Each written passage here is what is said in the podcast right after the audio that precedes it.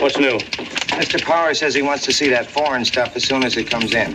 Let's get straight to our senior international correspondent. Who knows what's happening at the moment? We certainly don't. Nuclear standoff between India and Pakistan enters its 11,680th in day. Tehran shouting death to the Shah, pledge allegiance to the Islamic movement. Devet let po oranžni revoluciji v središču Kijeva spet plapolajo modro-rumene ukrajinske Bližnji vzhod je na pragu nove vojne. Let's get straight to our senior international correspondent. Who knows what's happening at the moment? We certainly don't. It's definitely a mix of celebration and protest going on here in Cairo today. Zveze NATO je Slovenija nase odgovorno prevzela določene obveznosti. President Putin made it very clear. Ja, tukaj v Tobruku smo slišali, kar Here's some bullshit that happened somewhere today. According to a high official, it is believed. Foreign correspondent. I could get more news out of Europe looking in a crystal ball. Side. Uradne paramilice.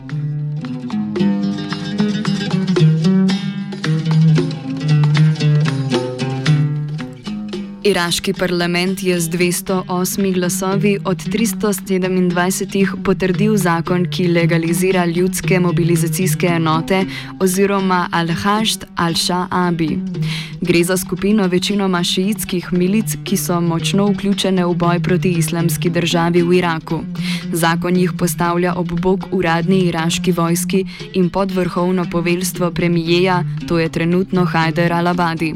Do sedaj so milice sicer delovale v okviru Ministrstva za notranje zadeve, vendar brez vrhovnega poveljstva. Enote so namreč sestavljene iz številnih raznolikih milic, ki imajo vsaka svojega poveljnika.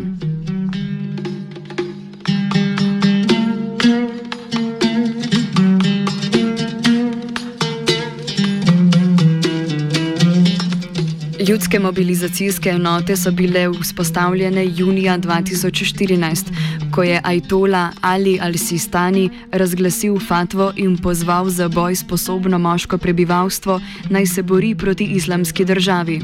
O okoliščinah nastanka in sestavi ljudskih popularnih enot več pove Renat Mansur iz Royal Institute of International Affairs. It's, it's an umbrella group consisting of, you know, 50, 60 uh, different paramilitaries or militias. Some of them are sort of long standing militias that have existed before. Uh, some were formed after 2003, and then some were formed after 2011 to go into Syria, and then some were formed after 2014 um, when ISIS came into Iraq. Uh, so there are many, you know, different groups with different leaders, uh, many, many, diff- and, and having, you know, somewhere up to 100,000 fighters, more or less. It's hard to have an accurate account. Um, what happened is, you in Iraq, you had these different militias. After two, in 2014, the prime minister at the time decided that he need, you know, to bring them all together under this thing called the Popular Mobilization Units, and he created a committee that's called the Popular Mobilization Units Committee. Uh, and shortly after, the, the Grand Ayatollah of the Shia, seeing what was happening in Mosul against, you know, what ISIS was doing, issued a fatwa that said we need volunteers to in Iraq, able-bodied men, to rise up to fight against ISIS and to fight for the state security forces. What happened is many people took this fatwa, and the leaders of the Popular Mobilization Forces took this fatwa as as a legitimization to go fight not for the state per se, but for the paramilitaries. And since then, there's been a push to make the Hajj al-Sha'bi seem become part of like the state apparatus to the point where now it's paid by the prime minister's office. It's under the prime minister's office, and there's you know increasing this new law that's come out uh, that the parliament is discussing to make it part of the state. Poleg že obstoječih milic so mobiliz mobilizacijo izkoristile tudi politične stranke, ki so začele ustanavljati svoje milice. Nekaj največjih milic opiše Mansur. So some of the sort of main militias. So you know, uh, there were seven main militias before June 2014 when ISIS took in that were operating um, in Iraq. Some of them in Syria as well. One is the Badr organization, which is probably one of the biggest biggest militias. They're, they used to be part of the Islamic Supreme Council of Iraq under Hakim, um, but now they've kind of moved off uh, under the leadership of Hadi al-Amri and have be- become their own bloc. They also have 20 or so MPs in parliament, so they're not just a military formation, but they're They're an organization, they call themselves. Another one is um, Asa'ab al-Haq, the League of the Righteousness, which is uh, a group run by Qais Ali. Um, it's very close to Iran. It used to be part of the Sadrist, sort of Jaish al-Mahdi militia, the Mahdi army, uh, but then it split off uh, in the mid 2000s. Um, another one is Kitab Hezbollah, for example, again very close to Iran. Um, used to be head by Abu Mahdi al-Muhandis, who is now the sort of the de facto head of the whole Hajj al-Shabi. Um, so it's quite powerful. Then you have sort of the Sadrist movement. And the Sadrist movement, I think, is interesting because right after 2003, there was there was the, Jaish, the, the Mahdi army, which was Sadr's army. And this, this army became sort of the symbolic resistance uh, for, for the Sadr movement. Um, but again, as I say, that army fell apart in 2007, 2008. But Sadr has remained as, an, as, a, as a leader, and he's been able to, to come up with the Saraya at-Salam, the peace Brigade, And he's, you know, so he's, even though he's becoming anti sort of militia and his discourse is that militias aren't good, he, recognize, he still has his own militia. Um, but he at times says it's part of the popular mobilization units, and then at other times says it's not. So it's he's he's a bit he's critical of the sort of the core leaders of the leader. But I think these are the main groups um, of the popular mobilization units. Na večino milic ima močen vpliv Iran, ki jih preskrbuje z orožjem, meni Primoš Štrbenc z Univerze na Primorskem. Formalno ima nadzor nad to, nad to krovno organizacijo iraško notranje ministrstvo, de facto, dejansko pa ima večji oziroma največji vpliv na njih Iran. Iran kot uh, daleč najpomembnejša šiitska dvanajstniška sila, ne pozabimo, da je vse od 16. stoletja država, ki je svoj, ki je 12. šiizem razglasil za uradno religijo oziroma za državno religijo in v tem smislu torej je Iran kot strateško zelo premišljena sila tudi junija 2014, torej ob uh, naskoku islamske države, uh, opredelil Irak kot svojo strateško prioriteto. Ne zgolj zaradi tega, ker je Irak po letu 2003, ko so iraški šiti dvanajstniki prevzeli oblast v tej državi, postal tesan, tesen strateški zaveznik Irana, ampak je še pomembnejše to, da je Iran Irak opredelil za tako pomembno državo, zaradi tega, ker so v Iraku štiri najpomembnejši šitski oziroma dvanajstniški sveti kraji. Torej, Iran je junija, potem ko so te šitske milice porekrutirale prostovoljce, v Irak začel pošiljati svoje posebne oddelke predvsem iransko revolucionarno gardo, orožje, logistično in obveščevalno podporo uh, in pa pravzaprav vso drugo materialno podporo. Milice, ki imajo večinsko šiitsko članstvo, čeprav je med njimi tudi nekaj sunitov, jazidov in drugih pripadnikov manjšin, so v preteklosti pokazale izrazito sektaško naravo. Maščevalni napadi na sunitsko prebivalstvo niso bili redkost. Suniti zato zakona niso podprli, čež da legalizira šiitsko diktaturo, razloži Štrebenc tisto, kar je pri teh milicah že vse čas evidentno in pa problematično, je to, da so izkazale, torej res je, da na začetku so se izkazale za najpomembnejše v smislu zadrževanja naskoka islamske države in so obranile Bagdad oziroma šiitski jug pred naskokom islamske države. Vendar pa potem, ko, seveda, ko, so, ko se je začela počasi ofenziva proti islamski državi, v kateri so imeli, to moramo povdariti, daleč največjo vlogo američani oziroma njihovo letalstvo in so ti američani začeli skupaj z temi šiitskimi milicami in pa šiitsko dominirano iraško vojsko torej usvajati vzemlja pod nadzorom islamske države. Od takrat naprej pa te iraške šiitske milice Hašit al-Shabi kažejo svojo negativno plat, svoje sektaštvo.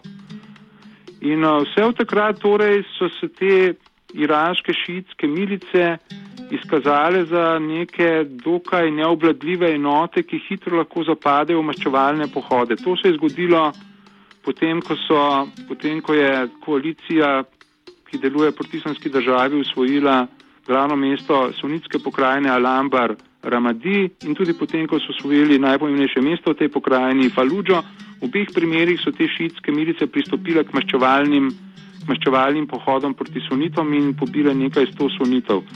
Iraška vlada se zaveda problematičnosti to vrstnega delovanja teh, teh milic in s to zakonodajo, ki jo omenjate, seveda želi poustriti nadzor nad njimi.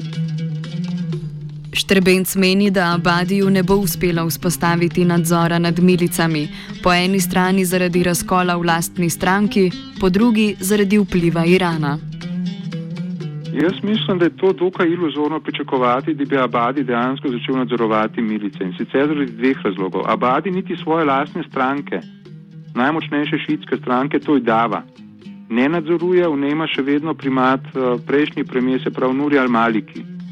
To je prvi razlog. Drugi razlog pa je ta, da kot sem že rekel, je Iran tisti, ki ima predvsem škarje in platno v svojih rokah. Iran je tisti, ki ima mnogo večji vpliv na šiitske milice oziroma na ljudske mobilizacijske enote kot sam Abadi. Uh, v zadnjem času se je stvar tudi zaradi tega torej začela zaostrovati, ker Hajdar al-Abadi želi v skladu z demonstracijami prebivalstva zmanjšati korupcijo in pa klientelizem v Iraku, na ta način pa seveda tudi zmanjšati vpliv in klientelistično delovanje teh šiitskih strank, te pa seveda si tega ne pustijo vzeti. Zato imajo že odprej neke velike zamere do Hajderja Labadi. Abadi pravzaprav ima še največjo podporo v Združenih državah Amerike, ki so ga skupaj z Iranom pravzaprav tudi postavili avgusta 2014, ko se je izkazalo, da je Nuri al-Maliki vendarle preveč sektaški premije, da bi lahko učinkovito nagovarjal sunite pri njihovem, pri poskusu, da bi sunite, prav, da bi vzeli sunitsko podporo islamski državi. Mansur razloži, da si Abadi prizadeva milice depolitizirati, medtem ko jih nekdanji premije Nuri al-Maliki želi izkoristiti za podporo pri naslednjih volitvah. Abadi and, and, and Maliki are, are, are in this struggle against sort of there's this internal, even though they come from the same party, they have this struggle against each other. Um, and, and this is part of it. So Abadi has been more critical of the Hajj al-Sha'bi than, than, than Maliki has. Um, you know, Maliki created Hajj al-Sha'bi. He wanted to be part of his project. Abadi has now had to recognize the Hashid, but he's pushing more for the Ministry of Defense, the police force, the Ministry, you know, to, to, to be part of the fight against ISIS. Um, and, and, but, you know, because of the status of the Hashid, of the PMS, Abadi can't openly criticize it. And to some extent, Abadi recognizes that the PMF filled in for when the Iraqi army collapsed. I mean, the PMF were needed at the time.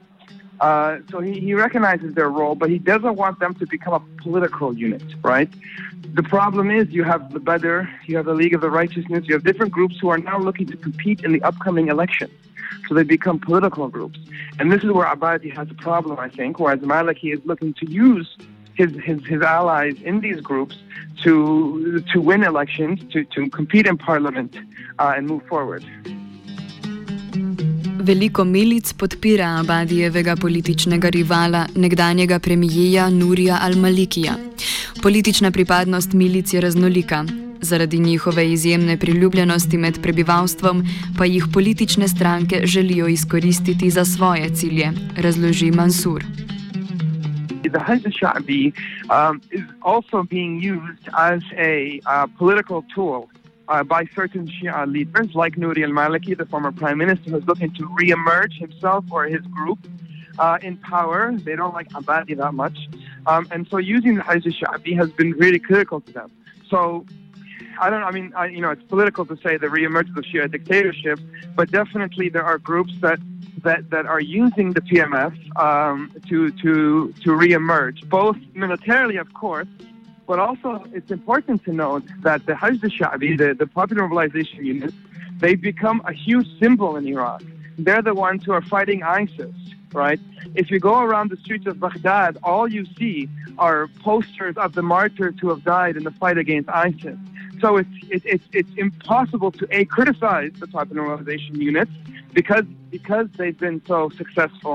But more importantly, people like Maliki and Hadi al-Amri and some others who want to return to power, they think this is the best opportunity to, sorry, this is the best opportunity to reemerge by using the legitimacy that the Hajj al-Sha'bi has to kind of re-emerge into power. Večjih sprememb zakon ne bo prinesel. Vloga milic je namreč kljub temu, da so po novem zakonu formalizirane, še vedno nejasna, zaključi Mansur. You know I don't think it actually makes too much change, only because it's still quite ambiguous. Um, and it's, you know, this is the problem that we have. That we, many people say that the Hajj Shabi should be part of the Iraqi sort of state, you know, Ministry of Defense or Ministry of Interior, but it's not.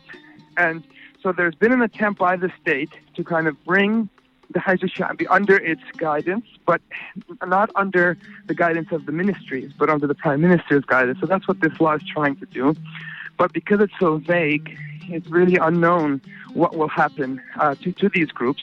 There are many different models. Some people say that they're going to become like a part of the state, but on its own, kind of like how the Revolutionary Guards uh, are in Iran, right, like a revolutionary sort of guard. Others are saying that they'll begin to become incorporated after Mosul, but it looks like several of these groups aren't leaving anytime soon.